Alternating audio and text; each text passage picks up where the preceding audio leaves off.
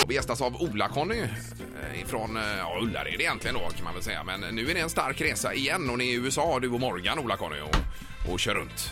Är det- Ni har varit, eh, var det fem veckor ni var på inspelning? Tio veckor totalt. Oj, oj, oj. Ni åkte iväg 5 november. Mm. Och så kom ni hem då. Jag tror det var 7-8 februari. Så var vi hemma fem veckor och sen hade vi, var vi hemma och firade jul Ja. och kopplade av. Och sen dagen efter nyårsdagen så åkte vi igen. Aha. Mm. Okej, fem veckor till där. Ja, och då hade man laddat batterierna. Ja. Och det var bara USA den här gången? Ja, så vi, först då så eh, landade vi i Chicago. Åkte därifrån till San Francisco, Los Angeles, Las Vegas. eh, Och ut där på rancherna och jag fick köra bil. Och sen var det Grand Canyon, Utah, Nevadaöknen, Honolulu. Ut i djungeln där och det var lilla de hade. Det är ju helt fantastiskt. Vem får vara med om en Ja, sån det är här otroligt. resa? Härligt. Men det var ju inget vilohem utan det Nej. var Nej, nej, nej, det förstår action jag. hela tiden. Och sen andra omgången så var vi i New York, Mm. Miami. Ja. Eh, På östkusten där då? Everglades, eh, träsken med alla alligatorer och ormar. ja, vad heter det? Och- Everglades va? Ja, Everglades, Mm. evigt gräs. Eh, Ja, Typ. eh, kanske det betyder. Ja, jag tror men det vad då. det betyder. Och sen eh, New Orleans, New Orleans hur Ja, man uttalar det. ja. Ja, och Memphis, Yes. Jajamän. Elvis-staden, Ja. musikstaden. Just det. Det tyckte jag om. Elvis har jag alltid tyckt om. Men vad, av hela den här resan, av de Ja. här tio veckorna, vad minns du bäst? Ja, jag får säga det att jag tycker om städer men jag vill ju ha äventyr och gå lite över gränsen. Jag älskar vilda djur och, och leva ute där och testa på. För djur det kan jag till 99 procent och jag är inte rädd i sådana lägen. Mm. Nej. men eh, Morgan tyckte inte om det alltid. Nej. Han trivdes bättre i storstan. Men jag så att vet att det är...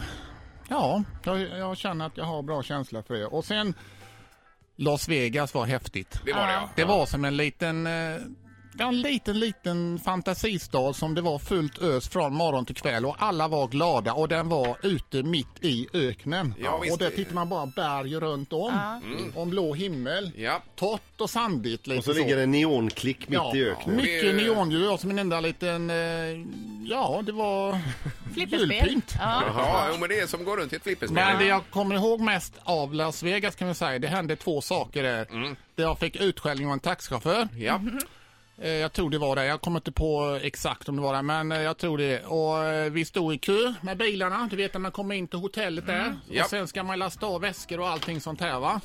Och min bil stod där och sen stod det bilar framför och taxichauffören var efter. Ja. Mm. Och han blev skitförbannad på mig för att jag stod i vägen. Men jag sa jag kan ju inte köra iväg. Ja. Jag kommer ingenstans. Och, och så pekade han finger åt mig och svor så mycket han någonsin kunde ja.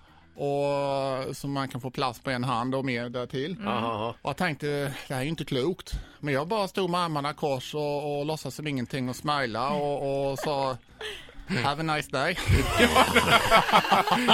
Är detta med i programmet?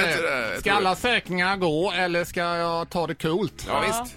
Så jag tog det coolt. Ja, det jag kanske höll var på bra. att bli riktigt sur men jag tänkte att eh, jag är i Las Vegas så här ska jag ha roligt. Ja, ja, Mm. det är klart. Sen kom ju han, den här killen som eh, hotellchefen, så tog han mig på axeln. Ja, du får ta det lugnt. Det går vilt här i Las Vegas ibland, sa han. Jaha, okej. Ja, Och just så det. bröt jag en tand Jaha. Mitt upp i detta också. och den slängde jag i soptunnan. Ja.